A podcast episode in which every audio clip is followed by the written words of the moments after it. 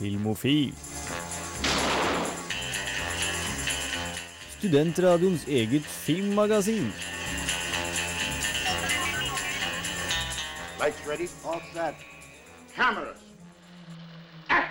God aften, god torsdag, god dag, og velkommen til ukas Filmofil. Det er første torsdagen i februar, og vi er her. Det er Henrik Ildringel bak eh, denne stemmen. Det er Jan Markus Johannessen. bak den stemmen. Hans Systernes. Og Frida Hempel. bak de stemmene Vi er Filmofil. Vi snakker rundt om, gjennom og helst i film. På en, på en tidvis, eh, tidvis beskjeden og andre direkte seksuell måte. Vi skal snakke om passe passende nok uh, skeive filmer. Vi skal anmelde et par Oscar-filmer. Det kommer til å bli fryktelig god stemning. Aller først skal du få Tice Gaul med litt eh, Drug Mugger. Hvis du aldri har glemt det, du hører på Filmofil på Radio Volt. Håper du er i humør, for det er vi.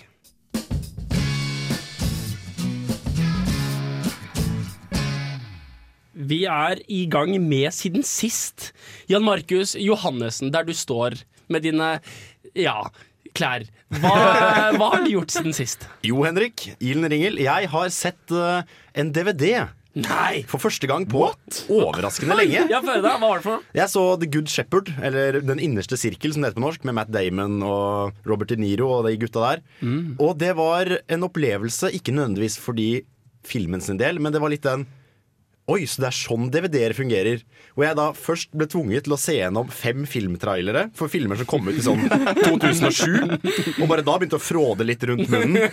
Og så fant jeg ut at ok, det er dansk tekst. Hvordan bytter jeg tekst? Kontrollen jeg har, ser på, har ingen egen knapp for subtitles. Så det Jan Markus da gjør, er at han sender meg og resten, resten av oss på Facebook en litt sånn her Det rullen opp trykker jeg på.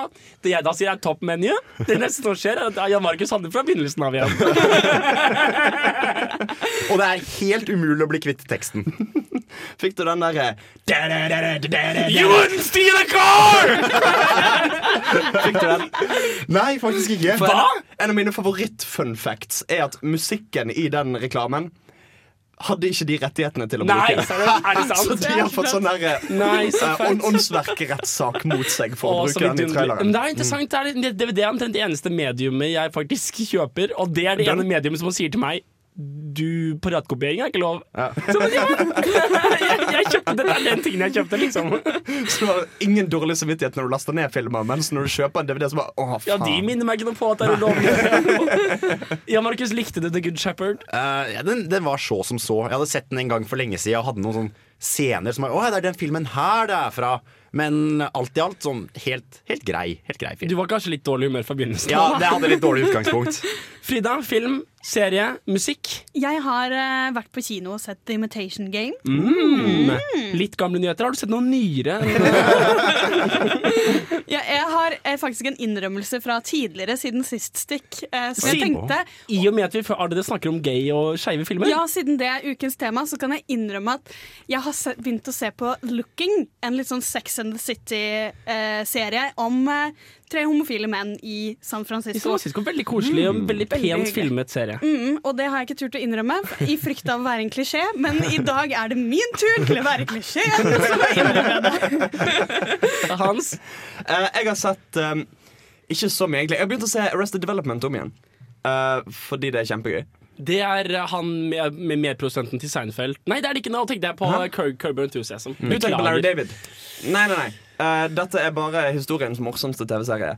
Og det er dødsbra på alle tenkelige vis. Vær så flott. Og det som er så morsomt med å se det på nytt igjen, er at det er jo utrolig mye sånne interne Ja, ja. vitser og jokes som går Det er liksom fremskygginger som skjer midt i sesong én, som skjer på slutten av sesong to. Og det er, det er helt sinnssykt hvor helhetlig den serien er skrudd sammen, men allikevel så virker det veldig som om hver episode er helt for seg selv. Altså, Jeg har to sjangre av TV-serier som alle elsker og jeg ikke klarer. Det okay. ene er sjangeren uh, The Wire, Sopranos, Breaking Bad. Serier som er så utrolig vellaget og velskrevet og perfekt casta, som jeg bare ikke blir truffet av. Det andre er TV-serier med pinlig innhold.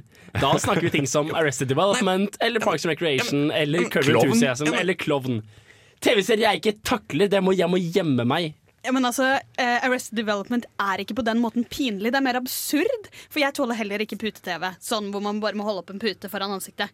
Ja, for det er så Arrested Development er verdens beste komiserie ever. Ja. Og, det, og det, er så, ja, men det er så flott, vakkert skrudd sammen. Og, det, og det, altså, altså, Jeg plasserer ikke det i det hele tatt i samme kategori som de der pute-TV-seriene som er Helt perfekt og Kirby Enthusiasm og Klovn og Ler. For det er på en måte det er, så, det er så bra gjort. Det er så talentfullt og Smart. Ja! Ja vel, Så for de av oss som ikke har sett på det ennå, eller for de av oss som kastet det fra seg for fire år siden, så er det kanskje på, en stein. så er det kanskje på tide å plukke opp igjen Arrested Development. Jeg har jo da fortsatt vært syk hele uka, så jeg har stort sett ikke gjort annet enn å lese om serier, film osv. osv. Jeg så i natt en, en Svanesjøen på, på Blu-ray. Det var kjipt. Det er en grusom kjempe Ikke bare må du hente opp synopsen og ha den ved siden av hele veien for du husker hva som skjer, men det er, det er bare en kjempekjip historie. Altså, mener du balletten? Ja, ja. Okay, du, Altså, du så ballett. russiske balletten på hjemmekinoen på lerretet og alt sammen. Gud, du har kjedet deg. Oh, ja, ja. Men jeg har faktisk opptatt noe kult. Mozart in the Jungle, en Amazon-serie. Eh, Amazon har som Netflix begynt å lage serier. Og Mozart in the Jungle. Eh, den første sesongen er ti episoder på en halvtime hver. Dritbra! Jason Schwartzman fra, fra diverse Wes Anderson-filmer og en annen medprodusent fra diverse Wes Anderson-filmer har laget denne serien, og det er dritbra! Du må nesten utdype litt, for Mozart in the Jungle, da begynner jeg å bare Hæ? Ok, Mozart in the Jungle var en bok for en stund siden hvor en oboist fra eh, New York-symfonien uh, skrev en bok, uh, en tell-all, om eh, the drugs, the sex, the alcohol i symfonien. Og det har blitt nå gjort til en, en TV-serie som er Altså, det kan godt være at jeg bare er liksom febersyk og ikke vet hva faen jeg snakker om, men jeg har kost meg virkelig. Jeg har sett de første opp åtte episodene på to kvelder, og det er bare dritbra. Det, er, det skjer så mye parallelt morsomt, og det er så mange detaljerte karakterer. Og det er så vellaget, med nydelig musikk hele veien, selvfølgelig. Helt uten at de jobber for det. Det er ikke noe eksposisjon eller noe arbeid gjort for å lage backstoryen eller disse personene. Det bare funker. Jeg tror du har frelst Hans. Du bare ser stjernene Nei, nei, men. Hans kan ikke se denne serien. okay. For ikke på noe tidspunkt så er skuespilleren som spiller uh, artisten, i, i stand til å spille instrumentet. Åh, Ja, ja. ok. Altså, nei, nei, nei, du, du, du, du, kan- ikke Sitter han med instrument og mimer? ja, ikke, ikke bare det, men du ser ofte at det, det, det, det, musikken stemmer overhodet ikke. Så du, jeg, jeg, jeg, jeg har måttet aktivt overse den biten. For det, det er en komedie, er det ikke? Det er ikke en mørk, Nei, mørk fortelling mørk om eh, liksom, noen spiral i dop og Altså, obospilling. det, er, det er måte livsgleden på samme måte som Wes Anderson har livsglede, men bare mye lettere og bare litt sånn weird koselig, liksom. Ja, Jeg kom på en annen ting vi må bleste på dette siden sist. helt på, helt på tampen. Vi har jo selvfølgelig sett det nye showet til eh, Louis CK. Ja! Som han har sluppet. Og og jeg har betalt for det! Jeg har også betalt for det. Jeg, jeg gikk inn på louisck.com. Jeg betalte fem dollar. Det er jo ingenting, det er 40 kroner med dagens kurs. For fem dollar fikk jeg Jeg fikk gratis HD 1080P, jeg fikk gratis HD 720P, jeg fikk gratis tre, tre streams. Alt dette her for fem dollar. Og det, Eh, og det går direkte til han. det går direkte til han, og med det så har han leid inn hele teatret selv, og han betaler for alt selv. Og så har billettinntektene gått til liksom agentur og diverse greier, mens det her går liksom rett til han. Og, og den er ikke like bra som tidligere. Nei, det er det ikke. Men, men, men, men det er veldig sånn Det er det, kult. men det føles litt sånn personlig og litt sånn ømmere. Ja. Det, det, det er litt sånn mindre vittig hele tiden, og litt mer sånn inn på han, føler jeg. Jeg, jeg koste meg veldig med det. Jeg koste meg også veldig med det, og etter å ha sett mye standup i siste, så er selv Louis CK på sitt litt dårligere er i øvre sjiktet av moderne standup, eh, vil jeg si. da Men fem, fem dollar på louisck.com. Dritverdt verdt det. Utrolig verdt det. Bare for å støtte den uh, bare, bare for å støtte den businessmodellen. Mm. det er- way of the future. Jo, men det er den greia med Jeg husker ikke hvem som sa det når Doctor var hvem det var, men en eller annen sånn nettblogger, eh, berømt fyr, har sagt at, at problemet med pir piratkopiering er ikke at folk ikke har lyst til å betale. Gjør produktet lett Ja, tilgjengelig og lett å betale for, og til en rimelig pris, og folk kommer til å betale. Og dette gikk jo like fort som det ville gått å laste det ned på Pirate Bay. Ja, ja, ja, ja absolutt. Uh, dere skal få St. Vincent med Bad Believer før vi jogger inn i nyhetsstikkene med deres faste nyhetskorrespondent Hans Ystadnes.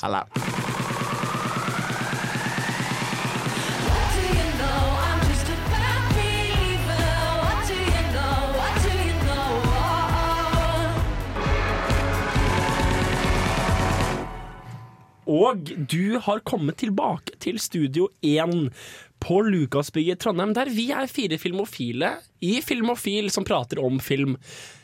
Hans Ystadnes, står klar etter å ha vært borte en liten uke. Er du nå tilbake, oppladet og klar til å prate om nyheter, stemmer det? Du, jeg er klar som et egg. Vi skal begynne med Phil Lord og Chris Miller. Som står bak filmer som 22 Jump Street og ikke minst 21 Jump Street.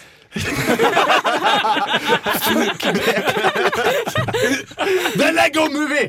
Var det jeg skulle si. Det er det som skjer når du bruker kunstpauser. De har laget The Lego Movie, Oi. som var en av fjorårets aller, aller beste filmer. Yep. I hvert fall en av de aller beste som ikke fikk en Oscar. Ikke sant? Ikke engang en nominasjon, eller fikk for Everything Is Awesome, men det, det er bare et hån. Det er det Ja. insult to injury. Det er bare sånn, Vi har, vi har ikke glemt dere. Vi vet dere er her. Vi, vi, vi, bare liker dere ikke. Men det skal nå komme en spin-off, fordi The Lego Movie 2 kommer. Den kommer i 2018 cirka. Men det skal komme to spin-offs uh, før den kommer. Det er da en basert på Ninjago-greiene. Og så skal det komme The Lego Batman-movie. Det fins allerede en Lego Batman-movie. Den er lagd litt sånn i tråd med de spillene som har vært. Men her skal det være en direkte spin-off av The Lego Movie med Will Arnett da, som Batman. Var det ikke han litt endimensjonal i filmen? Jo, og det er dette poenget Men her skal de på en måte ta for seg hele det filmatiske Batman-universet. Fra liksom eh, han der Michael Keaton i 1989 til Wow. i dag med liksom Christian Bale og allier. Dere er jo flere av dere store fans av Bojack Horseman, også Ja. stemmelagt av eh, Will Arnett. Det stemmer. Tror du dette er en bra for en eh, Swiss sequel på Lego-filmer? Han er jo den perfekte Batman. Men det jeg er litt redd for, er at kanskje han fungerer bedre som sidekick enn som hovedperson. At det kan bli litt mye hvis han skal stå i fokus hele tiden. Men jeg har, jeg har troen på folkene bak det. For Han skal ikke regisseres av eh, de to Lorda Miller som lagde Lego Movie. Han skal regisseres av Chris Mackay, som klippet eh, Lego-filmen. Men Eh, Lord og Miller er fortsatt uh, produsenter av filmen og skal ha en del sånn kreativ input på filmen. Og har vært med, De har annet vært på Warner Brothers uh, sine studioer, der hvor de har fortsatt kostymene og Batmobil-modellene fra de tidligere filmene og liksom studert de skikkelig for å kunne gjenskape det best i et Lego-univers. Så jeg tror på en måte de har den, litt den samme Hva skal jeg si detaljorienterte perfeksjonismen som preget mye av The Lego Movie. Ja, for det som var veldig morsomt i The Lego Movie, var på en måte alle referansene og Mm. hele stemningen i filmen. Alle de pop culture references som de kom opp med, var helt perfekt tima Ja. og bare nydelig satt sammen. Og du fikk liksom den følelsen av at de virkelig, virkelig visste hva de snakket om, og elsket det. Og hvis de klarer å gi den samme behandlingen til hele måte, Batman-universet, så gleder jeg meg veldig til å se hva de kommer opp med. Det er jo altså noe med at uh, Lego-filmen var på en måte såpass sterk pga. at alle karakterene var så sterke. Hovedkarakteren var ganske kjedelig. Så det kan funke med litt flat Batman og masse kule sidefolk. Ja, og alt var liksom tenkt ut òg. Altså for eksempel bare det at Superman og Green Lantern er, er castet med um, Hva de heter nå igjen? Uh, han der uh, han, De der folkene fra 21 Jump Street. ja, Channing Tatum Channing Tatum og og. Jonah Hill. Ja. Og det at de to har de rollene i filmen og spiller i den filmen som Lord og Miller òg har laget, det, det, det virker som sånn kompisprosjekt. og Bare alt er liksom gjennomtenkt. Og bare, det er en bra idé, det er en bra idé, det er en bra idé Så jeg håper på en måte at en brøkdel av det lar seg overføre videre til Lego Batman. Så dette kan være gamle nyheter for noen. Men det jeg fant ut i dag, er at Jurassic World har universets kuleste nettside. Eh, de har en nettside som er på en måte designet som Som nettsiden til en faktisk theme park. Og de har blant annet noe de kaller for um, Parkcam. Som er sånn små videosnutter som på en måte er videoer fra parken. Sånn, Her er køen Ah, til det buret. Her er fra innhengningen til Med CGI av ekte dinosauruser og sånn. Nei, men, men, men det er det. Nei, men, men, men, folk, men folk er litt sånn Kanskje vi plutselig får se litt sånn at det røres litt i gresset der borte. Men, men, men jeg vet ikke, det føles veldig sånn kult og organisk og gøy. Og de har masse sånne detaljer som de på en måte ikke hadde trengt å ta inn. Sånn restaurantmenyer fra restaurantene på liksom, themeparken. Og det er kjempegøy. Jeg har loket masse der. Nei, det er, jeg synes det er veldig interessant med hele den sci-fi-sjangeren. Og det er ingen tvil om at Jurassic Park er jo til en viss grad sci-fi. Eh, augmented reality er en litt sånn ny greie, liksom, blant, spesielt i sosiale medier og, og spill, og sånn, hvor du på en måte legger den virtuelle virkeligheten oppå den ekte virkeligheten. Så det, det du opplever, om det så er film eller spill, blir mer ekte fordi det henger så godt sammen med det du allerede opplever. Ja. Det er det samme som at en god løgn baserer seg hovedsakelig på sannhet. På samme måte vil augmented reality gjøre filmen bedre. Ja, så jo bedre den klarer å knytte seg opp mot virkeligheten, og det er på jo en perfekt eksempel på hvordan dette faktisk ville vært i virkeligheten. Sånn, det er sånn der safety tips sånn All, alltid ha en flat hånd når du mater babydinosaurene. Husk at selv plantetere kan bite fingrene dine. Og, og litt sånne ting som de bare har tenkt ut. Og som det, det, det skaper et sånn lag med liksom-realisme. Ja, det er fett. Så er det òg blitt annonsert John Wick 2. Var det noen av dere som så John Wick? Gjett rett her, right here. Det var en high five. den var dritkul. Jeg likte den knallgodt. Og nå skal det komme toåren. Den er i utviklingsfasen akkurat nå. Det har ikke blitt bestemt noe spesielt plott og sånn. Men de to som har regissert den, altså Chad Stahelski og David Leitch, to tidligere stuntmenn som ble regissører, har sagt det at de har veldig lyst til å fokusere på liksom worldbuilding og karakterbygging og lage et skikkelig plott før de går i gang.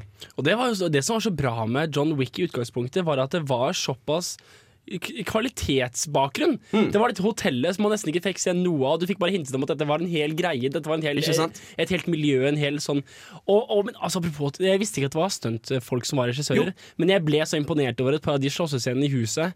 Der du får se hele scenen! Mm. Han, han, blir, han blir liksom overfalt rundt hjørnet, og så sitter jeg og ser på dette her og tenker ja, nå kommer de til å klippe. Nei, ok, nå klipper de. Nei, nå klipper de. Og så klipper de ikke. De får se hele scenen fra han blir overfalt, til personen er død, uten klipping.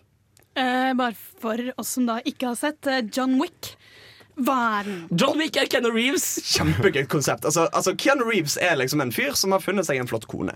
Konen dør, og det siste hun gjør, er at hun bestiller en hundevalp til Keanu Så Reeves. etter at, hun har, etter, at, etter at dama har vært død i sånn kanskje en uke eller en halv uke, eller noe, så kommer du og hjelper meg en valp på døra. Og han blir jo helt sånn åh. Så driver han og tar vare på denne hundevalpen i et par dager. Så kommer noen russiske mobsters som er ute etter å ta bilen hans. For han kjører en sånn jævla fet gammel bil som sikkert bilentusiaster vet hva er. En Mustang eh, Mach 1. Takk. 19, 1967-modell. Mange mener at det er siste gode året for lagerblokken.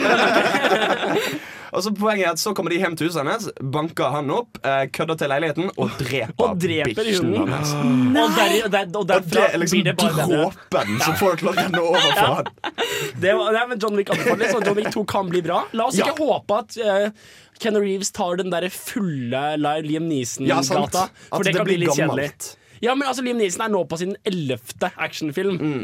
Og det liksom, Ja, det er kult at han overlevde og kom tilbake fra sin litt sånn der laber periode i begynnelsen av 2000-tallet, men må han lage bare actionfilmer, liksom? Taken 8! Nå har noen stjålet bilen, liksom! Ja, Det skal også komme en film skulle til å si apropos Lego-movie.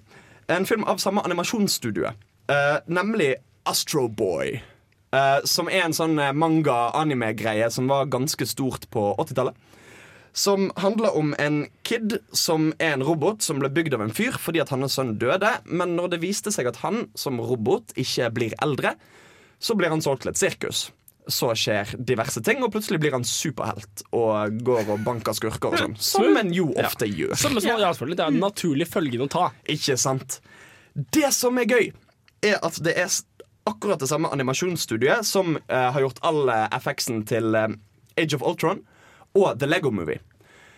Og en av de tingene jeg likte best med Lego Movie, var Altså animasjonen, hvordan alt ser ut som Lego. Og ikke bare ser det ut som Lego, men det ser ut som Lego som har blitt brukt. Altså Når det er close-ups av ansiktene til folk, så ser du masse små sånne riper og hakk i liksom plastikken. Detaljnivå. Altså, altså det, og, og det er liksom lagd som om det var en stop motion-film. Det er på en måte det er et animasjonsstudio som kan dette med uh, å bry seg om detaljer, bry seg om de små tingene, som gjør at det blir så jævlig bra. Og jeg syns det er en viktig ting fordi at Altså, altså For eksempel når jeg så American Sniper Unnskyld, jeg er litt forkjølet. Uh, når jeg så American Sniper, for eksempel, så var en av de tingene som irriterte meg, sånn som den gummibabyen og den jævla trompeten i begravelsen og sånne ting. Og det som irriterer meg da, er at det snapper meg litt ut av immersion-greien. For, for da henger meg opp i ting som jeg ser at er feil fordi dette er en film, og så begynner jeg å tenke på at dette er en film, og da ødelegger det litt av opplevelsen. Men når alle de små detaljene er på plass, så blir det så deilig og fint. Og derfor tror jeg at uten at jeg har noe kjennskap til Astro Boy, om det er kult eller ikke, så, så, så tror jeg dette kan bli kult. Rett og slett fordi at de er så jævlig flinke, de som lagde Lego Movie. Så vi kan da alle sammen være enige om at den største nyheten er at Hans Ysnes er optimistisk for en fremtidig film. Dere skal nå føre Honningbarna med Stay Stay overalt.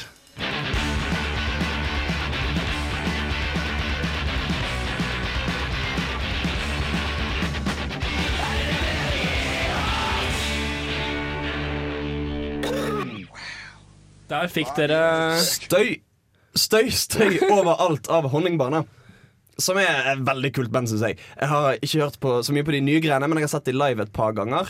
Uh, og det er kjempekule greier. Er det sånn up and coming-band-greie? Altså, De har vært up and coming ganske lenge. L- uh, Litt som Blomst, som kom for tredje Trondheim Calling det bare var up and coming. Og de, de sa på intervjuet på radio at ja, nei, vi er litt, litt, litt lei av å være up and coming. Da. ja, men jeg tror kanskje de er litt stuck i den der eh, Dette er så store vi blir, men vi Ja. er alltid kule. Ja. Men jeg er kjempeglad. Jeg syns de burde være mer berømte enn de er. Stemmer det at du hadde nyheter om neste ukes premiere? Store premierefilm, nemlig Fifty Shades of, uh, of Grey. Fifty Shades of så Grey. sykt. Jeg er skikkelig gira, jeg. Altså, altså Først en liten notis. Fordi det var mye stress rundt aldersgrensen den skulle få i USA. Den har blitt rated R. For som-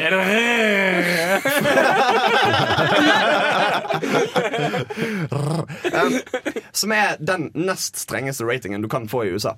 I Norge har han fått aldersgrense 15 år. Det som er gøy, er hvordan Filmweb har valgt å formulere seg. La meg sitere fra filmweb.no. I Norge er aldersgrensen satt til 15 år. Det betyr at barn ned til 12 år kan se filmen i følge med foresatte. Jeg syns det er gøy at de har tatt forbehold om at foreldre kan ha lyst til å ha med seg tolvåringene sine. Men, ja, ja, men, ja, men sønnen min er 13, og jeg, er jeg at han skal se denne filmen. Altså, han ser jo så mye på porno, så hvorfor ikke vise noe han liker? Mm. Men det har vært litt problematikk rundt han i USA òg. E.L. James er nemlig ikke fornøyd med hvordan filmingen har gått. Forfatteren av boken. Forfatteren av boken. Mm. Det, det, altså, det ryktes at 20% av Fifty Shades of Grey er sexscener. Rene sexscener. Jeg kan bekrefte, som en som faktisk har lest en halv bok. Ja. Oh, yeah. uh, tingen, er, tingen er at dette er ikke nok for E.L. James. Boken består av mer enn 20% sexscener, mener hun. Mm.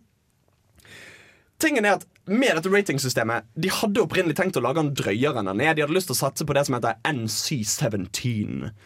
Uh, som betyr at ingen under 18 får lov å se den. Uh, de gikk for R, som betyr at folk ned til 15 kan se den med følge, og hvis du er 18, så kan du gå og se den. Rett og slett fordi at Hvis du har en NC17-film, så får ikke du distribu distribuert den. Det kan du bare glemme i USA, fordi at de er så strenge på det. Du får ikke ha reklame innenfor i- sånn i offentlige rom, basically.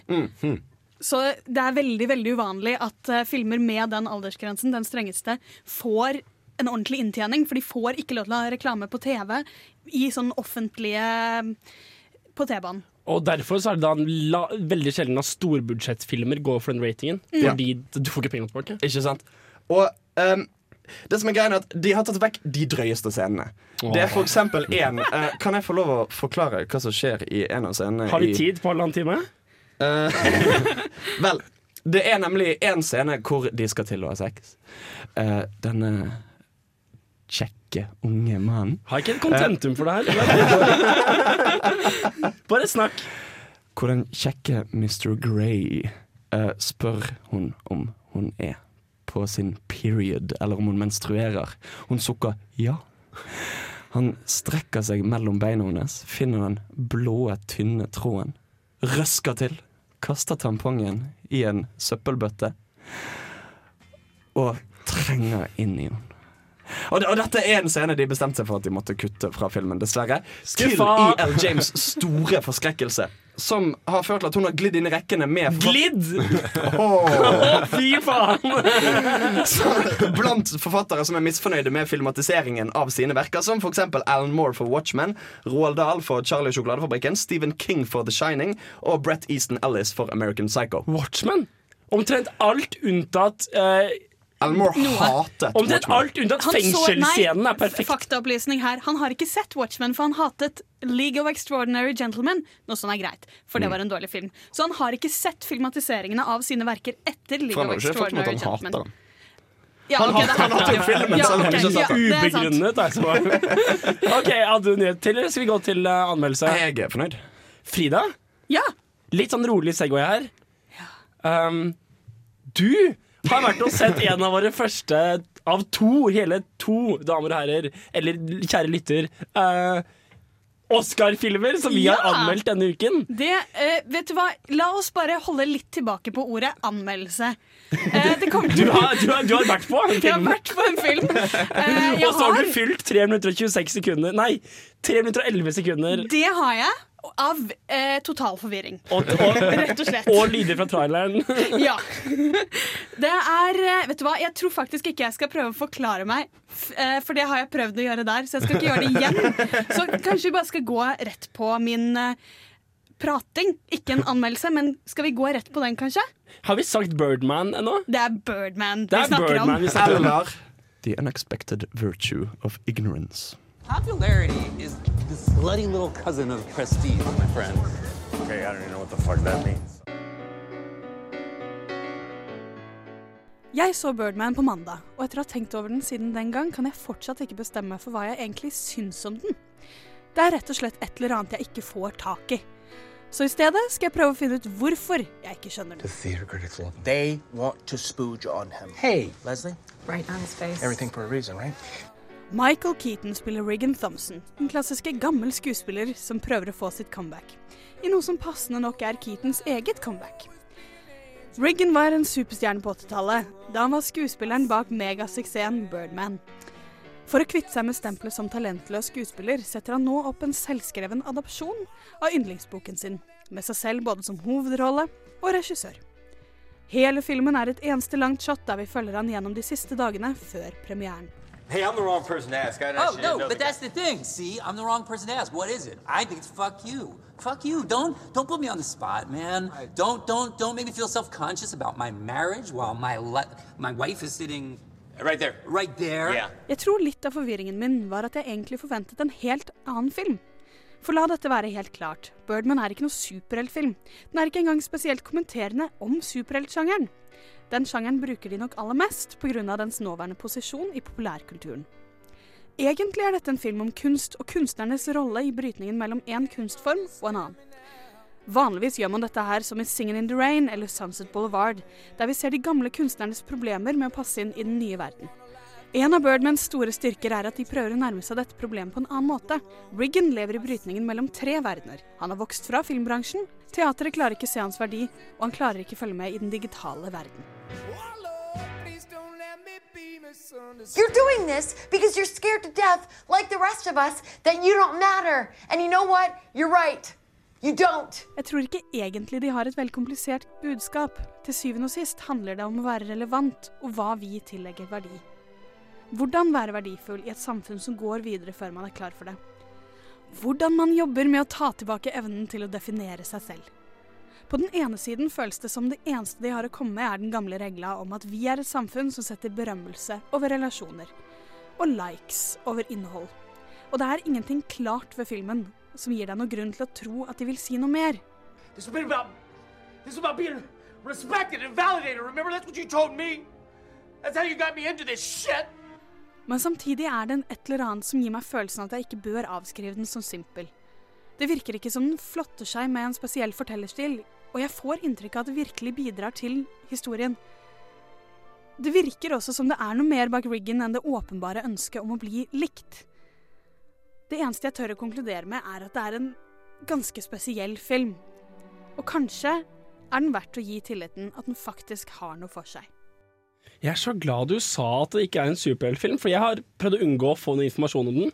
Og jeg hadde så sykt forventet en litt gritty Supermann-film hvis jeg hadde gått inn og sett den. Det, er- nei, men det er faktisk en teaterfilm. Det, er, det handler om en teateroppsetning, og det handler om hvordan de skuespillerne jobber sammen. Men poenget er jo litt at han Jeg, jeg har også sett Bourbon. Eh, poenget er jo at Brr-brr-brr. Jeg har sett Brr-brr. Eh, Poenget er jo òg at han, hovedpersonen, er litt sånn skrudd. Så når han er aleine, så oppfatter han verden som om han har superkrefter. Og, og det er på en måte Jeg syns det ligger implisitt at han ikke faktisk har det, men det er bare måten han ser på det. Men tingen er at særlig i traileren så klippes det sånn med de scenene at det ser ut som Er dette bare en litt sånn rar, kunstaktig eh, dramafilm? Eller er det en superheltfilm? Jeg ante ikke hva slags type film det var før jeg skulle se den.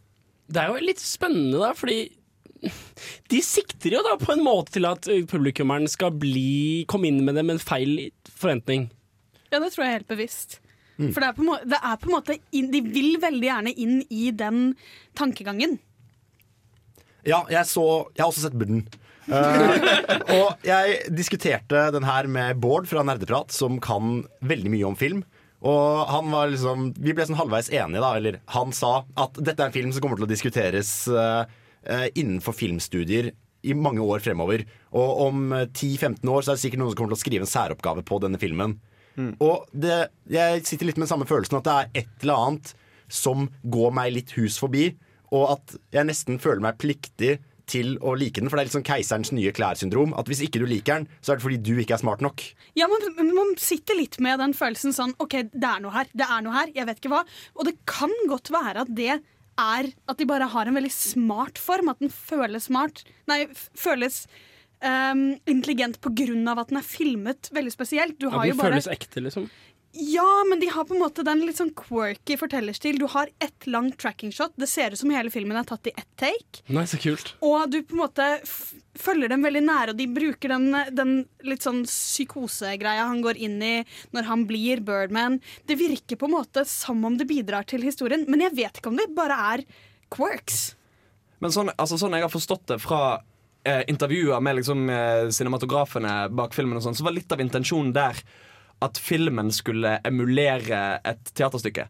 I det at settene på en måte må forandres live, da. Og at ting må gjøres fordi at du ikke kan klippe. Uh, at du ikke kan liksom bare bruke effekter og klippe og redigere deg unna problemstillinger. Så må du bygge settene sånn at de fungerer på en måte flytende. Og at de, fikk en del sånne utfordringer når de skulle lage filmen, særlig på eh, interiørshotsene, hvor de måtte passe på at alle vinkler sto rett, fordi at når de planla at kameraet skulle stå der, så skulle du se speilbilder av de og sånne ting. Og de måtte ta en del sånn praktiske avgjørelser. Og det var rett og slett de ville ha litt av den arbeidsmetodikken som er på teater. Det kan også være med noe hvorfor dere alle tre føler at denne filmen krever respekt, uansett om dere forstår den eller ikke, fordi det minner dere om teater, og teater skal liksom være en litt forhøyd kunstart. Men, men det syns jeg òg er interessant innad i filmen, for det er jo åpenbart at han, Rickon, mener at teater er en forhøyet kunstart. Fordi at han er liksom en sånn her pulp-filmskuespiller som prøver å gå til liksom teateret. Men så ender han opp med å bli berømt via viral media. Det er sånn han blir relevant igjen, pga. Mm. av at han plutselig vandrer ute i Times Square i Undiken.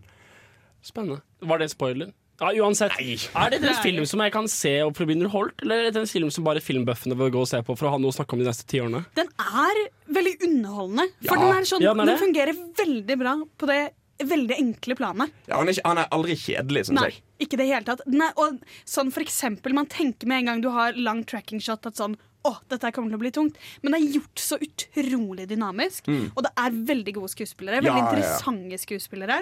Edward Norton som en litt sånn der pretensiøs jævel av en skuespiller. Det er, bare, det er bare flott. Det er deilig å se på. Og, og han der fyren fra um The Hangover i den eneste ikke-tøyserollen jeg har sett han i noensinne. Han der er Zac Galifianakis. Funker han i den filmen? der? Ja, Ah, veldig, veldig bra. Fett.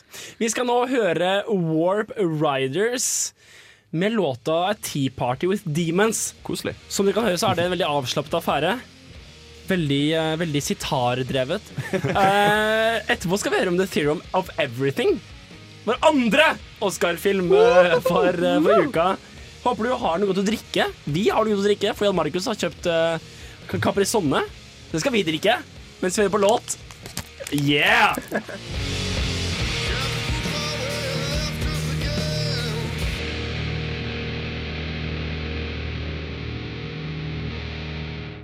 Vi har vært og sett på The Theory of Everything. Jeg og Jan Markus var og gikk. Det var ikke planlagt. Jeg stresset for å komme meg dit, og så satt faen meg Jan Markus der. klar, som et, klar som det proverbiale egg.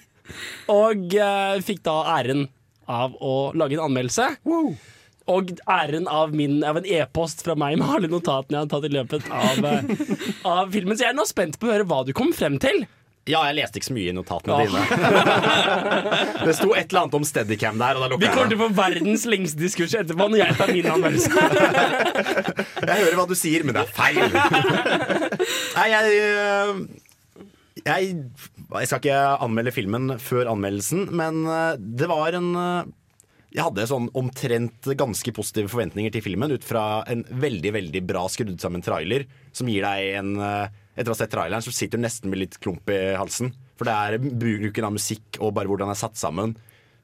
Egentlig oppsummerer hele filmen, men ettersom det er en biopic, så vet du jo fra starten av hva som kommer til å skje. Det er akkurat som Titanic synker. Spoiler alert. Og det er jo litt Jeg, altså, jeg tenker det er to poeng, poenger som er viktig å få med seg. Det første er at Vi snakket om biopics sist uke, så jeg følte at jeg hadde en litt sånn jeg var bevisst ved en del ting da jeg skulle gå og se filmen. At dette er en biopic. Hvordan bruker de ekte versus fiksjon? Hvordan bruker de den biografiske biten av det? Hvordan bruker de dokumentarbiten av det? Hvordan bruker de alt dette her? Og hvilken bit fokuserer de på, eller er de litt diffuse i fokuset sitt? Det er det ene. Og det andre er som du sier at traileren var så god og så på en måte representerende at jeg kom inn med veldig riktige forventninger. Har du sett Jeg trodde du ikke likte traileren? trailer. Jeg, eh, ja, ja, det var f jeg, jeg har, Kjære lytter, jeg har nå begynt med å sitte med hodetelefoner og øynene igjen på kino. Jeg sitter med plugger i ørene og høy musikk, så jeg slipper å se traileren. Det, det, det var før den tiden, så jeg så traileren.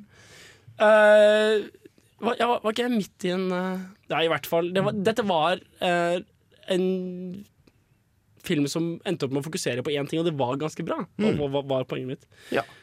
Siste introord før, uh, før eh, anmeldelsen? Nei, jeg tror ikke det trengs, jeg. Nei. Kjør. Hello. Hello. Science. Art. The Theory of Everything er en biografisk film basert på historien om den verdensberømte astrofysikeren Stephen Hawking. Filmen begynner i 1963 med en ung Hawking som studerer ved Cambridge University i England. Der møter han den blyge og sjarmerende kvinnen Jane, og de forelsker seg dypt. Samtidig jobber Hawking med en teori om sorte hull som vil forandre fagfeltet hans for alltid. Kort fortalt livet smiler. Det er da tragedien inntreffer.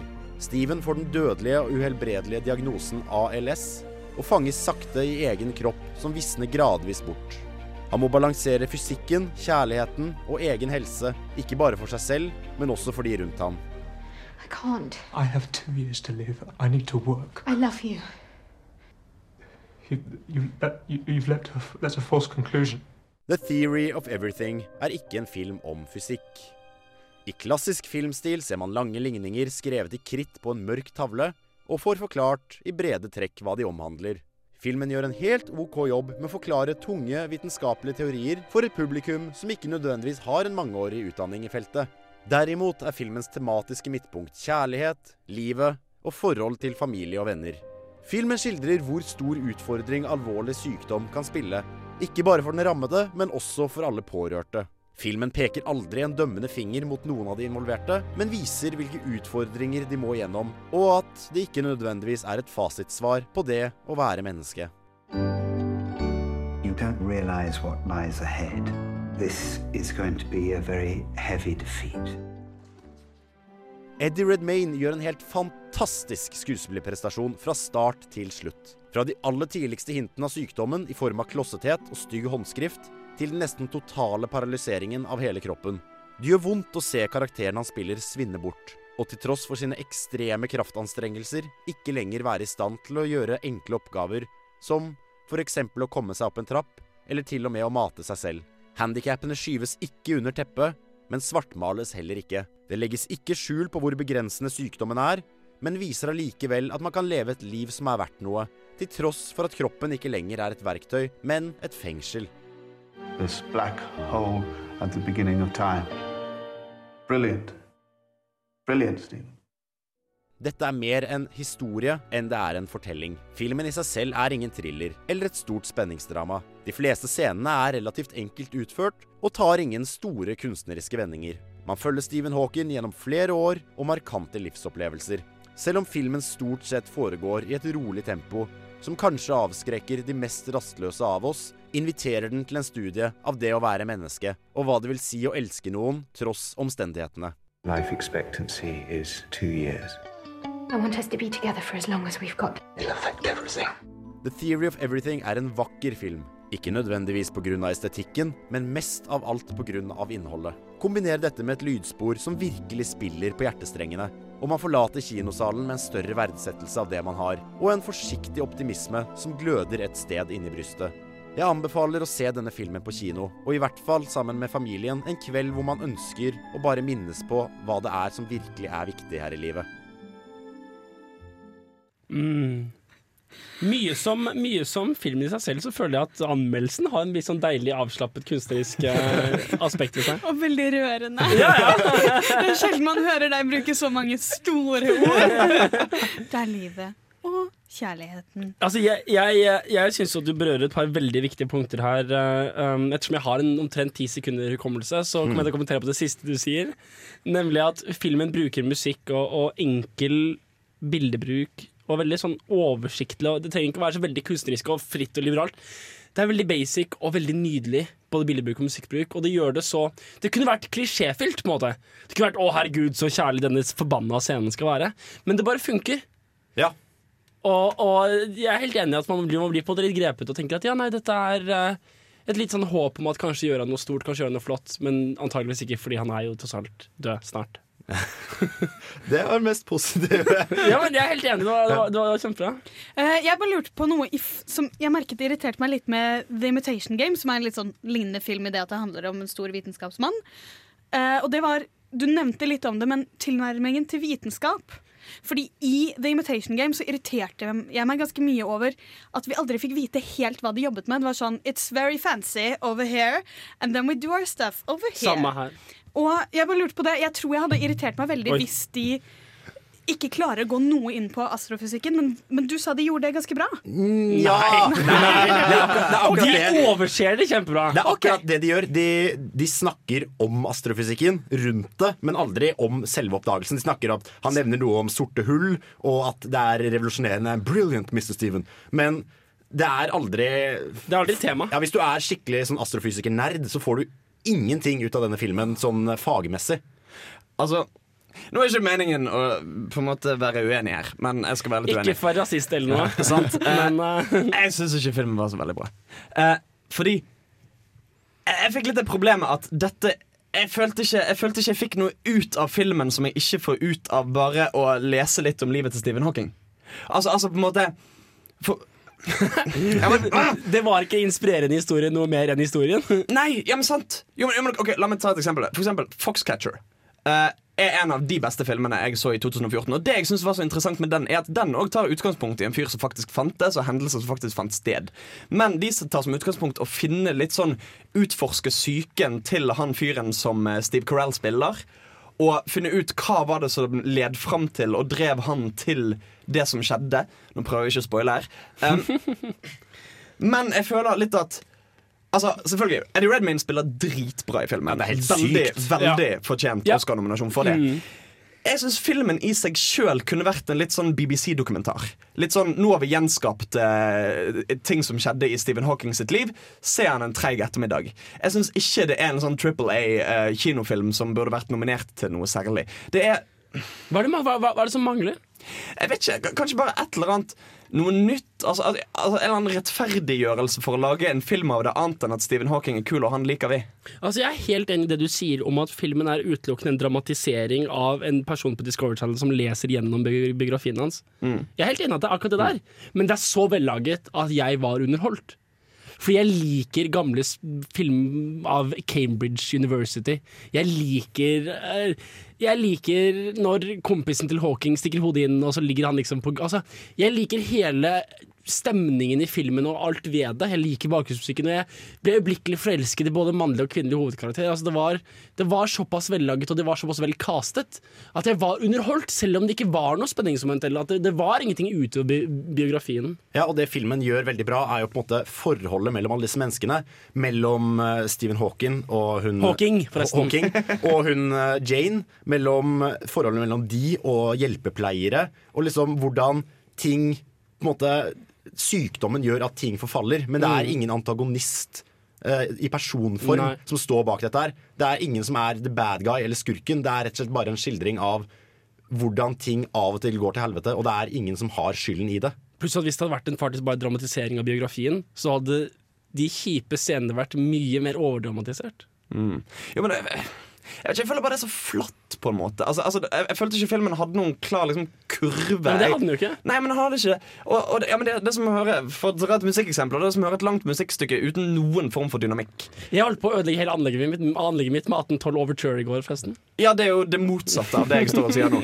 uh, men Altså, altså for eksempel, Jeg likte bedre Imitation Game enn um, Det var også en Theory litt flat film, da. Nei, nei, men den har jo en klar sånn Den har jo spenningskurve til når det endelig funker. Ja, ja. Men Selda selv Ja, greit. Ja, den, ja, for den har den har én mye mer kurve. utfordring ja. som han må komme seg forbi, og det klarer han. Og det, klar... Det klarer Altså, han jo altså, absolutt ikke.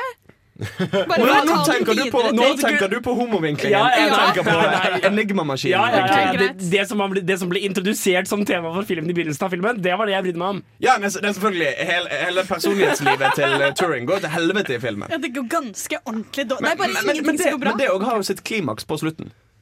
Han tar selvmord. Ja. Nei, I tekstform. Nei, men, i, nei, men i det at han blir konfrontert med det Med de politifolkene, at hele den exchangen skjer på, slu, skjer på slutten, det er dødstrist. Men det er interessant. Uh, nå har vi ikke mer tid, men The Game er på en måte to filmer.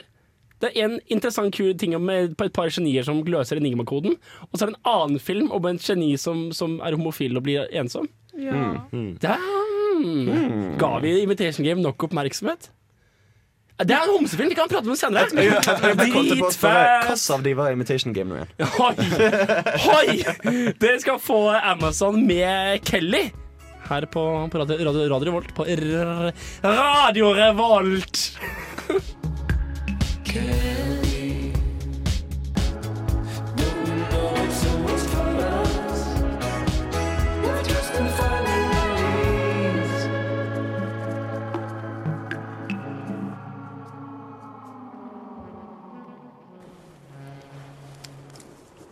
Hva hører du på? Nei, det er litt sånn spesielt. Jeg tror ikke det er noe du har hørt om, egentlig. Å ja. Test meg ut, da. Ok. Filmofil. Faen, mann, det er jo en klassiker. Satan, har du hørt det? Jeg skal ha hørt om det. Ah, det er Klokken er eh, 20, 59, 34, 35 tre, ok. Resten av sendingen 38, 39. Poenget mitt er Ja. vi er på vei inn i andre time av sendingen. Både Så gøy at du sier 'på vei inn i'. Ja, akkurat. Skal vi bare få brent ut disse vitsene før vi starter, eller? Vi har bare, vi har bare en time. Uh, vent litt, vent litt, vent litt. Dette er så dårlig radio. Der er vi inne i andre time av, av ukens filmofilsending. Hvilket betyr at vi skal komme til ukens tema. Ja! Frida Ja! er ukens tema. Nei. Hva er ukens tema, Frida? Det er skeiv film. Eh, vi kommer antageligvis til å kalle det homsefilm, en del, men det er ikke egentlig det. For det er alt som handler om ikke-heterofile. Eh, Ikke cis. Ikke sis, ja. Hva er cis, Frida, for de av våre lyttere som kanskje ikke har vært på Tumblr? Eh, Såpass ja, kan det bli mye Tumblr. ok, Det er bare en, en måte å, å snakke om folk som eh, identifiserer seg se, med det biologiske kjønn de er født med. Og Det er for å slippe unna å si transpersoner og normale personer. Cis, hva betyr det? Det betyr like. Det sa hun nettopp. Nei, men eh, SIS, er det det det står for? Eh, CIS. CIS. CS, og det er Samme. Samme side. Det brukes i organisk kjemi, kan jeg ja, okay. opplyse om. Men det er da motsatt av trans. Hvor du er født, Ah! et, ja, hvor du da er født eh, med et annet biologisk kjønn enn du identifiserer deg med. Jeg har allerede lært noe. Mm. Så eh, skeiv film er da ikke heterofile, ikke trans Nei, ikke cis-folk. Filmer om det. Og hvorfor er det et eget tema? Fordi jeg liker det. Du liker cis, ikke-cis-filmer, asis-filmer, transfilmer. Transfilmer blir det da riktig å si, blir ikke det? Eh, Skeive filmer. Skeive filmer. Hvis det motsatte av cis er trans, så må det være transfilmer vi snakker om. Ja, nei, men Vi snakket da om all, alle typer skeiv film. Ah, ok. uh, og jeg syns det er litt interessant fordi det blir sett på som en veldig spesifikk sjanger. Mm. Du har liksom uh, Du har en filmfestival for det, og det tas veldig ofte ikke med i et litt sånn mainstream publikum.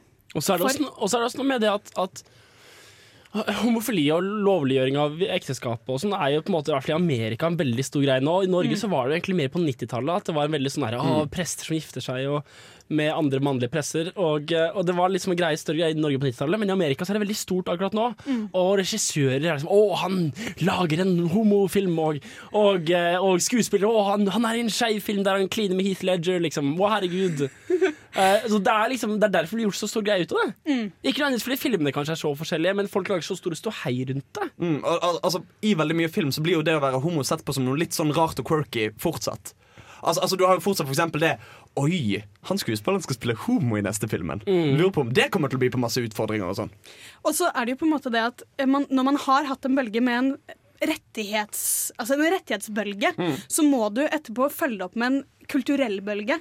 Der hvor det på en måte normaliseres i kulturen. Ah. Sånn at du kan jo si at selv om Norge hadde sin store rettighetsbølge for homofile på eh, på 90-tallet, så, så har vi fortsatt ikke fått den normaliseringen av homofili i film. Er det noen som vil gjette når homofilt ekteskap ble lov i Norge? Gjette, dette vet vi jo selvfølgelig. Fordi det hø... 2009! Ja! Ja! Vi snakker jo om det som om det var liksom Ja, kanskje da jeg var to år gammel, så var det en av Homofilt homofil ekteskap lå på 2000-tallet. Da er 90-tallet helt feil, da. Når ble partnerskap en ting? 90-tallet. Å ja. Mm. ja jeg, jeg lærer så mye allerede. Vi skal ta og prate om eh, hva klisjeen om uh, skeive filmer er for noe. Eh, først skal vi høre Tourniquet med Spider-Gad. Er-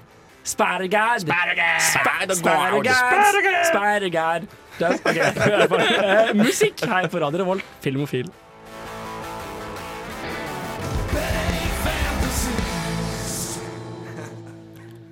Som du nevnte, Hans, så er det jo da litt sånn Folk legger veldig merke til det når en skuespiller skal spille homsekarakter skal spille skeiv Mm. karakter eller skal spille inn skeiv film. Fordi det er en del stigmata, hvis det kanskje er litt feil ord, det er en del stereotyper som følger med hva en skeiv karakter eller en skeiv film er. Så da er spørsmålet, Frida, hva er på en måte stereotypen? Hva er klisjeen? Altså, du har jo Det er en veldig sånn historisk utviklende klisjé etter hvordan man har eh, faktisk sett på homofile. Og i den sammenheng så vil jeg veldig gjerne anbefale en dokumentar som heter The Celluloid Closet. Okay. Som går gjennom hvordan homofile har blitt portrettert i film siden starten. Altså Mm. siden starten av film. Mm. Og du har hatt På 20-tallet så snakket man så lite om homofile at det bare var en slags aseksuell karakter. Og så går du inn i en periode der hvor det er de onde. For det er de amoralske med Hays-koden og sånne ting. Og så, mer inn i vår tid, så har du stereotypen nummer én at det er en veldig feminin mann eller maskulin dame. Eh, eller at det går veldig dårlig med homofile karakterer. Hva var Hays-koden for noe? Jeg beklager for at jeg ikke vet noe, sånn noe særlig om det. Eh, Det er en sensurkode som eh, kirken i USA fikk presset på eh, filmene. Eller filmverden. Ja. Du, og der, der har du veldig sånn syke greier, sånn ingen kyssing. Altså Mellom menn. Nei, altså Det skulle være en kode for å ha moralsk innhold i filmer, da. Altså, det var, altså Alt av sex og kjønnslig drift var forbudt. Uh, du Når hadde ikke var det lov å kritisere kirken eller Mm. religion i uh, film. Når var det her? Dette er 40-tallet. Okay. Det er vel innført slutten av 30-tallet. Og så går det godt utover 50-tallet. Mm. Og så avskaffet man veldig sakte alle De, de hadde noen punkter nedover.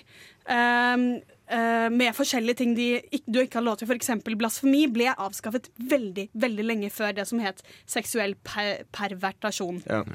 Eh, Og det kom på en måte kanskje da 50- og i hvert fall 60-tallet med liksom flower power og oppvåkning av seksualitet og fri seksualitet. Så kom det inn i filmen også, da. Ja, seksual, seksuell perversjon var jo homofili. Ja. Det, det er ikke, Du har vanlig seksualitet som Unnskyld, ikke vanlig. Oi, oi, oi! oi. Men heterofil seksualitet diskriminerte du deg jo selv, Ja, jeg gjorde det. Ganske imponerende. Men du hadde heterofil seksualitet Og så hadde du sodomisme, som var noe annet. Ja, det ble også tatt opp før. Sodomi heter det. Sodomisme? Nei, ok. Eh, men, men eh, i forhold til eh, den moderne utviklingen så er det da en veldig feminin eller veldig maskulin kvinnelig karakter. Enten liksom traktorlesbe eller liksom skikkelig kvinnelig mann. Mm. Joho, gutter! Jeg Noe sånt. Hvilken karakter var du der? Jeg, jeg vet ikke. Jeg ser for meg selv i sånn seilerkostyme med sånn sminke i ansiktet. Men altså, jeg, vil- jeg vil jo påstå at den skulle til å si, gamle stereotypen om den onde, skumle homoen Hva er et eksempel på det? Hva faen? Jeg skal komme med et eksempel akkurat nå. Uh, skurken i Skyfall, uh, siste James Bond-filmen, har en veldig homofil utstråling. Altså i den stereotypen. Den litt sånn Snakker om Javier Bardem? Javier Bardem. Som, ja, men Han har hatt den samme feminine utstrålingen hele tiden. siden Nei, men for, No han har litt sånn. Ja, men for det er noen sånne scener hvor han og James Bond kysser, eller et eller annet sånt. Jeg husker ikke, det er lenge siden så Nei. Hvor han, han setter seg i fanget til James Ja, Bond. Litt sånn, litt sånn seksuell, suggesiv Og, og det er eh, nettopp stilling. dette den derre utagerende, litt sånn eh, voldelige seksualiteten mot menn. Som blir veldig sånn skurk i mannefilm. Wow. Og dette er jo enda tydeligere i dag, fortsatt med transpersoner, og spesielt eh, transkvinner, menn som kler seg så, eller Mm. eh, som identifiserer seg med kvinner. med å være kvinner. Eh, altså Silence of the Lambs. Bare generelt, hvis du har på deg kvinneklær og er mann, så er du nok ond. Dette er filth. Silence of the Oh. Lambs. eh, psycho. Det er bare en veldig vanlig klisjé at det er noe sykt. Det er jo også, altså Særlig i filter, for eksempel, så ser du den at du kan ikke bare være homo. Du må være homo og ond. Homo og gal. Du må liksom ha en annen ting òg. Som i Filth, for eksempel, hvor du har en fyr som alvorlig sliter med depresjon og diverse plager. Filth, Mens- altså. Filth. Ja. Mm. Uh, og så viser det seg selvfølgelig, han var trans! Det forklarer alt.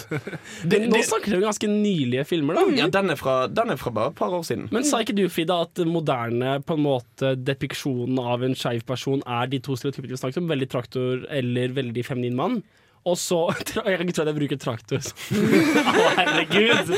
Men nå snakker jo dere om det du snakket om var den forrige fasen, nemlig at de blir gjort til bad guys. Ja, Da kan du si at eh, transpersoner ligger jo et hakk bak Å, ja, shit. eh, homofile. Eddie Izzard har vært populær i 20 år.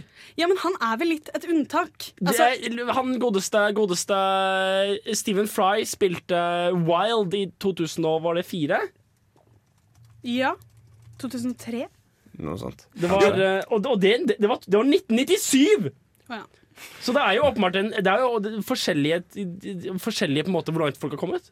Men, men altså, altså, jeg vil jo påstå at innenfor skulle jeg si kunstnermiljø og sånne ting, som f.eks. Stephen Fry i aller høyeste grad har vært en del av i det litt sånn Porsche, fine skuespillergjenger, Ja, ja, ja. så er det en litt mer radikal tradisjon. For altså, Stephen Fry har jo vært med i sånn studentskuespillkollektiv og kommer fra litt sånn høyt utdannet bakgrunn. Det er Footlights, Cambridge Footlights. Ikke sant? Så der tror jeg det i større grad har vært aksept for sånt. Mens i liksom Altså, hvor mange så Wild? Hvor mange kinoer gikk den på? I forhold til liksom store blockbuster-filmer hvor homofile framstilles i kjipere lys. Og så skal vi kanskje prøve å unngå å snakke om hele filmverdenen som én ting. Fordi Mm. jeg antar at eh, Amerika, Hollywood og engelske filmstudier har kommet litt forskjellig i forhold til det her. Ja, der har du jo den på en måte klisjeen med det seksuelt frigjorte Europa. At vi har hatt flere framstillinger av homofile i lengre tid. En film som 'Blå er den varmeste fargen' er jo veldig fransk. Den kunne jo ikke blitt laget i eh, USA, Nei. rett og Nei, overhodet ikke. Ok, Så for å oppsummere. Eh, det fins klisjeer, og de er eh, transer bad guys. Homofile veldig tydelige, enten feminin eller maskulin. Eller det fins ingen helt vanlige damer som er, fem, som er SP. Liksom. Nei. Eh, noen flere ting vi har glemt? Vi kommer vel tilbake til det, for Ja. vi skal jo snakke om litt uh, forskjellige eksempler senere. Stemmer det? ja, det kom ut av sånne litt vanskelige temaer. Det er som å liksom puste inn igjen. Sånn, «Å, nå skal vi snakke om uh, Nå skal dere The Dogs med Don't Let Me Down. Nok en veldig avslappet og rolig intro, føler jeg. Eh, du hører på oss filmofile prate om film i Filmofil her på Radio Revolt. Håper du koser deg.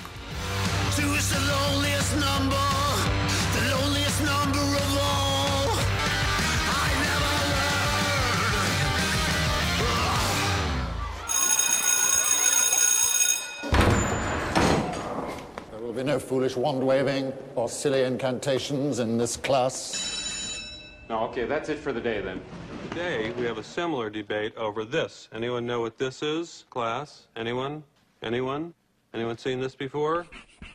Ukens hjemmelekse.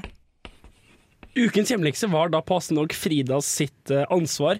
Det som skjedde var at Da introduserte den som en litt sånn treg og kunstnerisk film, hvilket da førte til at hvem i rommet så filmen? Frida. Frida, du har sett Ukens hjemmelekse. Jeg, har sett ukens hjemmelekse, ja. Så du den igjen nå denne uken her? Jeg gjorde ikke det. Nei, okay. Så ingen har sett ukens hjemmelekse? Men jeg har sett den før, så jeg husker hva den handler om. Og hva handler den om? Den handler om et møte. Det handler om eh, to mennesker som møter hverandre på vel, faktisk en, eh, et, et utested. Går hjem og har sex, sånn random, og så henger de sammen resten av den helgen. Før han ene drar eh, og flytter til en annen by. Og det er en veldig sånn Beklager å måtte si det igjen, men en rolig film om deres forhold som utvikler seg da over en helg.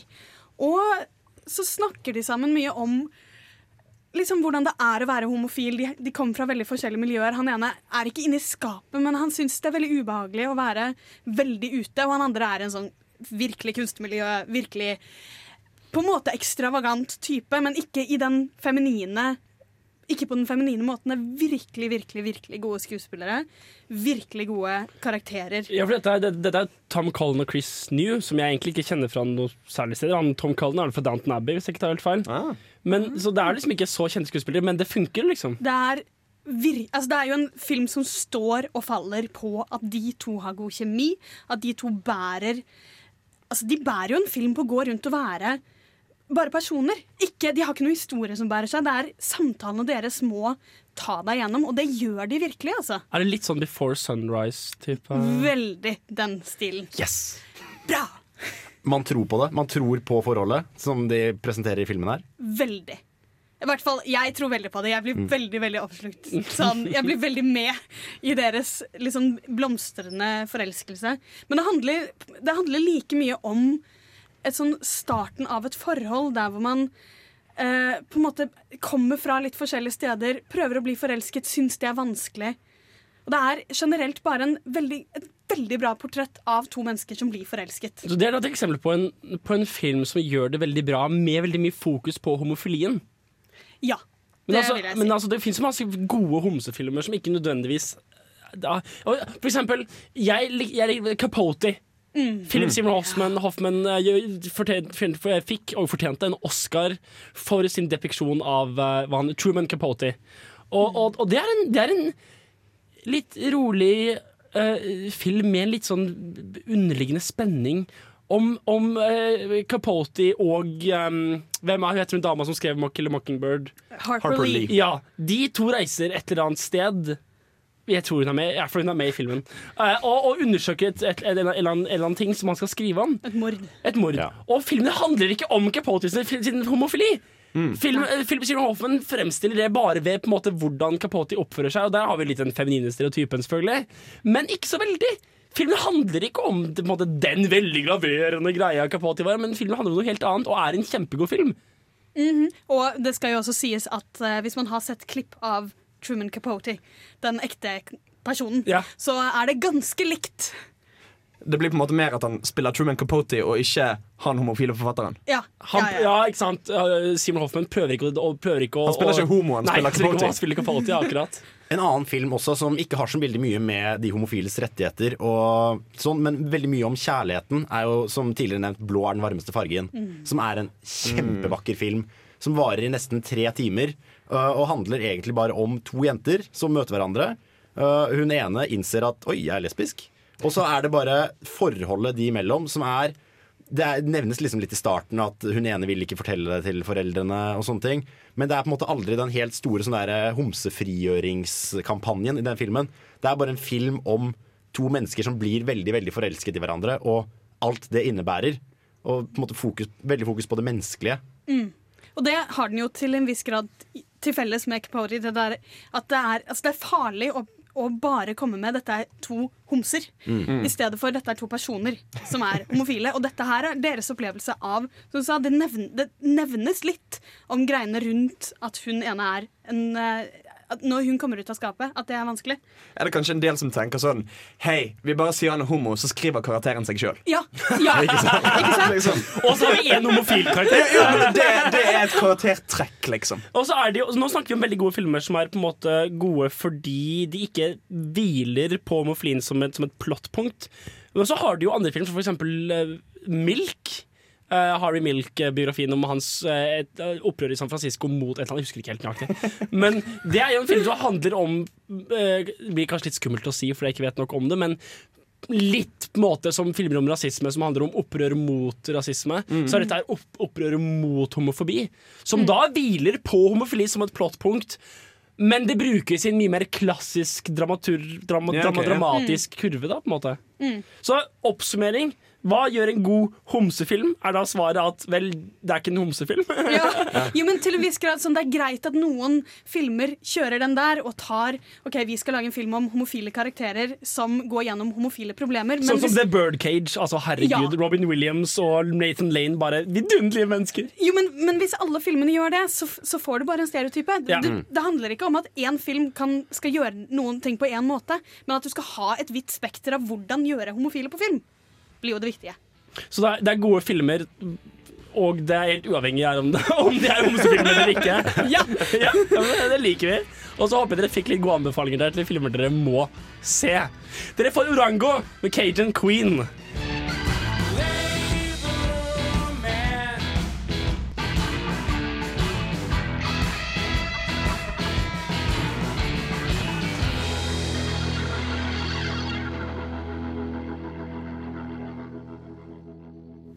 Skal vi gå så langt som å si at en del skeive filmer har muligheten til å gjenoppdage den romantiske sjangeren?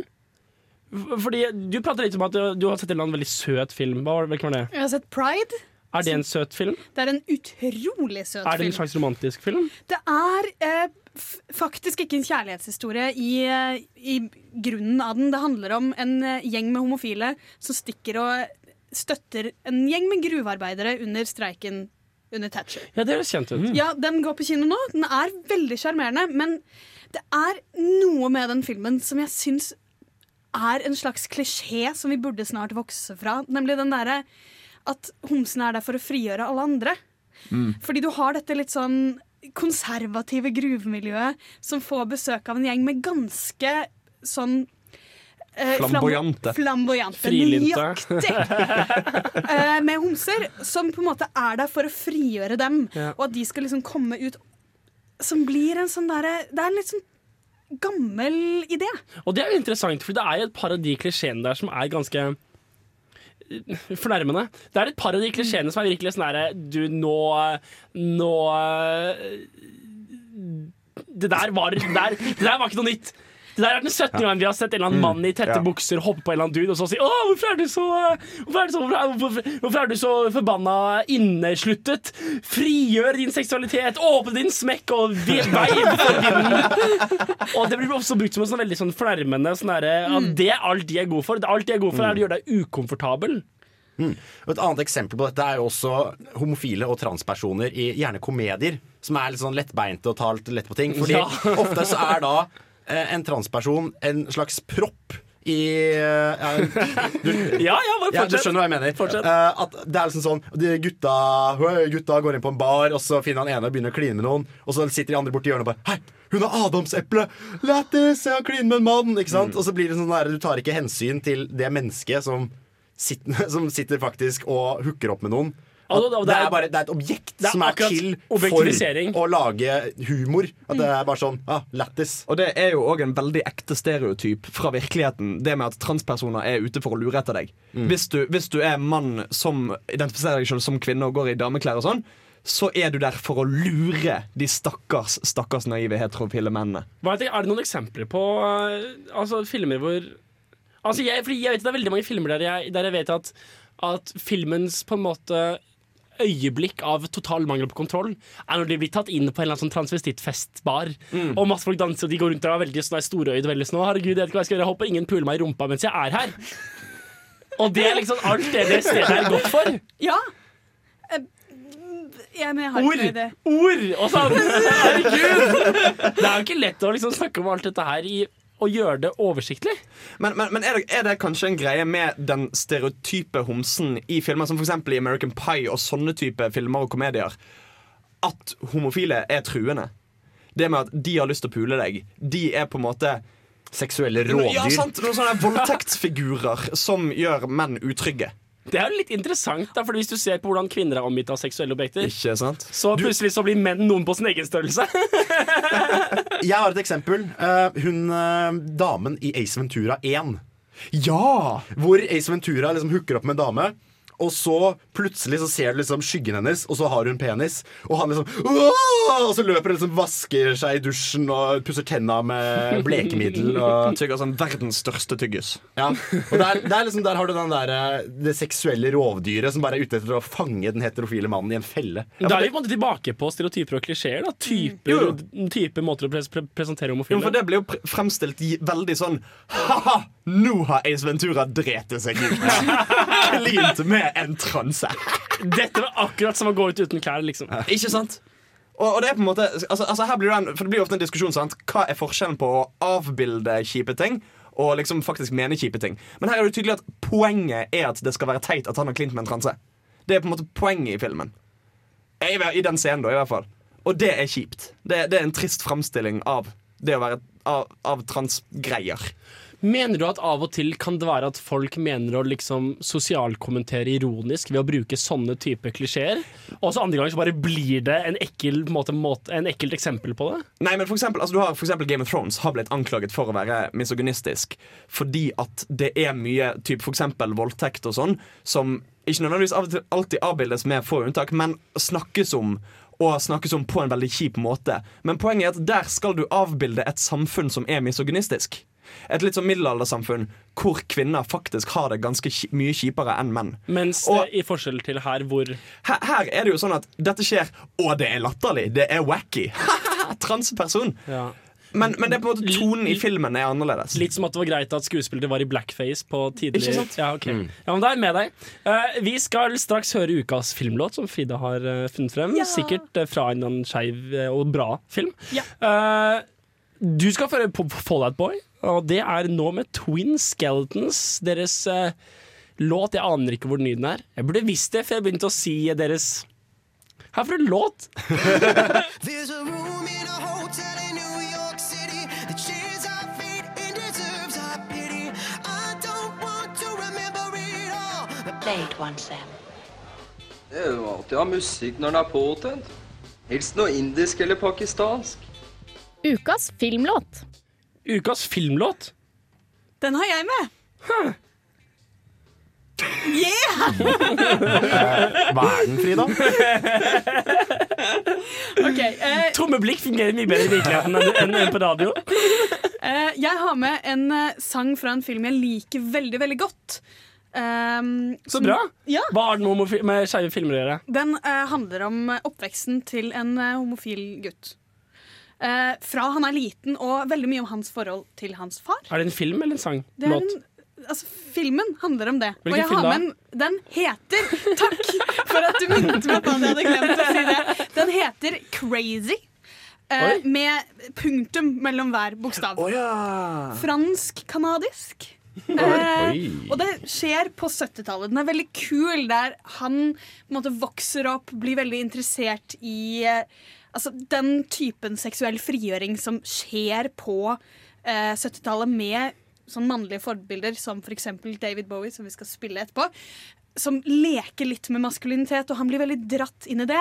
Og det som er veldig kult med den filmen, er at de klarer å behandle temaet uten å nevne noe særlig at han er homofil. De bare snakker om at det er noe, og han har noe som han tenker mye på, og noe han sliter med, og måte, noe som stenger mellom hans relasjon til sin far. Høres høres ut som de prøver å unngå det. da. De prøver ikke å unngå det, de bare prøver å vise hvordan det er å være inne i skapet. Det der at Du klarer ikke innrømme det for deg selv, for du har veldig Altså Han sitter jo ikke og sier sånn 'jeg vil ikke være homo', 'jeg vil ikke være homo'. Fordi det er ikke helt sånn det ville vært. Du prøver Mm. å fornekte det for deg selv. Mm. Og, og de viser det på en utrolig fin måte, samtidig som det bare er en oppvekstfilm, egentlig. Og låta? Det er Space Oddity med, Med- David Bowie. Fuck yeah!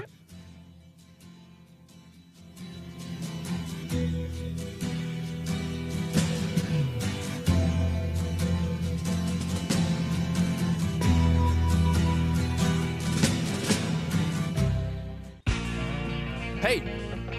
Hei! Det er ikke 90s sitcom-flashback. Ta og Skru på noe annet. Bedre, men prøv igjen. Der, ja! Ahem. Filmofil presenterer ukas serie. Det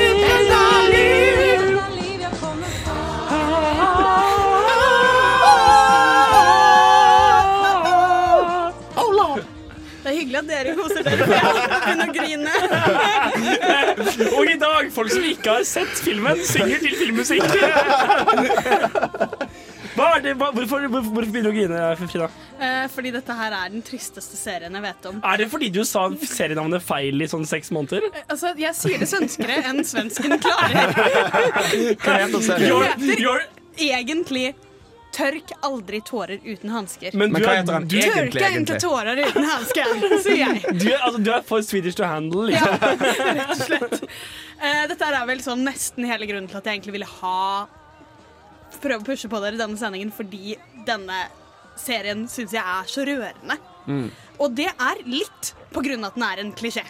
Fordi du har alt av disse klisjégreiene her. Du har én karakter som er så utrolig flamboyant at han bare Men han er veldig kul. Eh, og du har en person som har vært med i Jehovas vitner, og så finner han ut at han er homo, kan ikke være med i Jehovas vitner. Og alt sammen lagt godt oppå 80-tallet, når aidsen kommer, og alle dør. Kan jeg bare Det er ikke spoiling engang. Altså, det, det skjer. Alle dør. Og du griner. Er det én sesong? Det er en miniserie av tre bøker. Oi. så du, du har tre episoder på rundt en time. Og jeg kan Mm. bare si at uh, For dere filmofil så har jeg kjørt et lite sosialt eksperiment yeah. med min romkamerat. Bare for å sjekke er det bare jeg som griner fordi jeg føler sånn Vi er homo sammen. Er dette her en genuint trist serie? Og uh, jeg har kommet hjem til en knust Ada flere dager på rad. Så jeg kan opplyse om at den er så trist. Så vi, vi tre gutta skal sette oss i sofaen og vatte opp storskjermen og gråte sammen. Ja, det, vet du, jeg tror ikke dere har hjerte hvis dere ikke griner. Men Frida, dere jenter er jo eh, Legendarisk. Genetisk eh, ømfintlige og medfølsomme. Altså, Hans har ikke grått siden noen slo han da han var to år. Det er en overdrivelse. Jeg har ikke grenet på åtte år. Vi må se det. Famous last words der, altså. det er, men det er en virkelig fin historie, og det er jo i Sverige så var det en veldig viktig serie på den måten at den begynte å snakke om en tid man glemte, hvor kjipe folk var med homofile når aidsen kom. Fordi man visste ikke hvordan det smittet. Og det er jo det tittelen kommer av. At man unngikk folk Mm. som hadde aids. Og de ble virkelig, virkelig stigmatisert. Ja, for når er filmen, nei, serien laget? Den er laget i 2012. Og den er laget av SVT, eller hva? Ja. Svenska Telefunk. jeg, det, jeg, det gikk tidlig opp med at jeg ikke vet hva jeg Too står Swedish to handle, du også, Too Swedish to handle. Så denne, denne serien, hvor får jeg tak i denne? Eh, svt.no? Ja, der, eh, der ligger den faktisk. Den er nettopp blitt tatt opp der igjen, så jeg vil virkelig, virkelig Men anbefale så er det tre timers episoder, og that's it. Mhm. Du kan også eventuelt kontakte Frida personlig, så kommer hun hjem til deg og ser deg gråte. mens du ser på. Kommer med tre, en sånn DVD-pakke. Og så syltetøyglass med tårer som hun samler opp. Og så en liten, sånn, en liten velbrukt Kleenex-boks. For deg, kjære filmofillytter, så skal jeg gjøre dette her. Jeg lover. Så hvis du da sender mail til radio-filmofil .no, eller hvis du liker oss på Facebook, så er det muligheter for å få en eh, premie der eh, Frida kommer hjem og, og, og, og hulker. Hun har, hun har sett det fem ganger før, men Skal vi være helt ærlig, så blir det mer lytteren som må trøste Frida. Og du får kjempedårlig samvittighet av det også. Det er, det er ikke, du kan ikke bare sitte og se på film liksom, når du hører sånn herre Jeg måtte, jo, jeg måtte jo faktisk, eh, helt ærlig, for jeg skulle se den igjen, bare for å sjekke er den like trist som jeg husker den. Og jeg ringte Hans i sånn sent på kvelden, Og og, du måtte Hans? sitte oh, ja, han Hans. Vi er, vi er i radio sammen, vi. Sant, det stemmer. For du måtte sitte og trøste meg litt uh, på det. Ja. Det, var, det ble trist. Det ble for trist. Hvor langt ut i samtalen oppdaget du Hans at dette var hvilken, hvilken modus det måtte være? liksom Dette var ikke en fylla-telefon. Dette var ikke oh, nei, «Å, nei, Frida, nei. fest!» Dette var, dette var sent en eh, rolig Var, var, var, det, var det liksom etter ett sekund som var sånn Hans? Nei, jeg vil si du var svært besinnet, Frida. Ja, ok, det Til å være hysterisk. Ja, til å være hysterisk. ja. I Så- egenskap av å være kvinne. Men jeg har tatt med meg nå et klipp fra serien. Der Ja, hvor, klipp, klipp, klipp. em, hvor eh, kjære Benjamin, som nå er med i Jehovas vitner, kommer på besøk, skal misjonere. eh, og møter da på Paul, som er denne utrolig flamboyante karakteren. Og han skal prøve å forklare han om eh, Jehovas vitning. Og møter kanskje seg selv i døra. Ja. Om man eh, tittar i Bibeln. Vad som helst hjärtat, bara du har med en sån där fantastisk bild på en mamma, pappa, barn som äter picknick med en tiger och ett får vid en sjö i Alperna. Finns det en sån här? Får jag se? Ja. Ja, men här är den ju. Underbar bild. Då är jag helt med. Säg vad du ville säga. Jo, jag skulle gärna vilja citera ett stycke ur Uppenbarelseboken. Men herregud, jag har redan köpt hela konceptet. Hörde du inte det? Jag går ner på knä när du vill. En sekt som kan producera sån här fantastisk kitsch. Jag är med på en gång. Bara en sån sak som att en ung Adonis som du kommer och ringer på ens dörr vill komma in. Älskling, jag är i himlen. Eh, ja, jag kanske kom lite olämpligt. Inte alls. Läs du. Ja, nu vet du var jag bor i alla fall. En sak till bara hjärtat, så jag inte har missat något. Du vet om att du är homosexuell, eller hur? Så kult, så smooth! Han, det virker veldig bra skrevet også. Jeg, kjenner, jeg har to spørsmål til dette klippet. Ja. For det første, er, er det en stereotyp at homofile har gaydar? Ja, Og- det er det. Ja, ok. uh, nummer to. Her framstår det for Men meg sa ikke du senest i går hvor dårlig gay du hadde, for du har sett en hel serie eller en hel film uten å oppdage at personen var homofil. Jeg klarte å lese et bilde av Dorian Gray. uten å oppdage at han var homofil. Ok, spørsmål nummer to. Spørsmål. Ok, ok, ok. Jeg fikk inntrykk av at han her var litt sånn ekstra sånn eh, eh, Nettopp fordi at det var en Jehovas vitnefyr. At han på en måte med vilje Han var litt smurte sånn litt tykt på. Ja. Nei, For å freake han ut. sånn er karakteren. Oh, ja, okay. men, og det er akkurat det. Det er litt fascinerende, for de balanserer veldig på klisjeene, men de Mm. gjør det utrolig ekte. Han som spiller Paul, denne veldig veldig flamboyante typen, gjør det veldig gjennomført, så du tror på at han er bare skapt i et samfunn Mm. der hvor han er litt stigmatisert. Og Da er dermed så har han gjort seg selv litt mer stereotyp.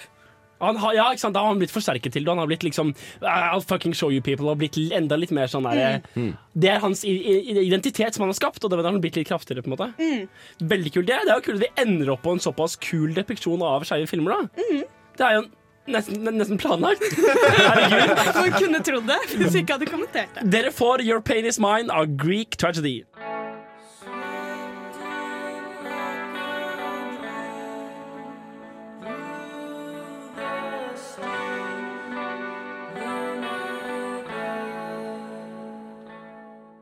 Tiden har kommet, damer og herrer, og vår elskede lytter, du som har sittet der og hørt oss prate i alt Altså, det er slutten, så sjansen er stor for at du har hørt hele timen. Eller timen 15, hvis jeg skulle gjette. Uh, vi er kommet på Soundcloud. Eh, der skal vi legge ut enkeltsaker, enkeltanmeldelser, enkeltintervjuer, uh, enkelt alt mulig rart, og hele podkastene. Så gå inn og følg oss på Soundcloud. Vi heter Filmofil, passende nok. Det heter vi også på Facebook. Gå inn der og like oss. Vi poster litt i ny og ne med ting vi ser på internett som vi syns er kult. Hvis vi ser en kul bildekollasj, en kul trailer, noe kult noe, så hadde det vært kult om du kom og var med oss og hadde det kult. Neste ukes tema er musikerfilmer. Filmer om musikere. Alt fra Inside Loon Davis til ukas hjemmelekse. Blues Brothers. Denne filmen fra 1980 med Dan Aykroyd og eh, hva han han eh, Å, hva heter han? Buscemi. Ja, det, eh, John, John Belushi. sorry. John Belushi og Dan Ackroyd som spiller, eh, som spiller Jake og Elwood Blues. Eh, en av 80-tallets absolutt beste filmer, en av mine yndlingsfilmer. Den må du se, for den skal vi gushe over neste uke. Vi har vært Filofil. Det har vært Henrik.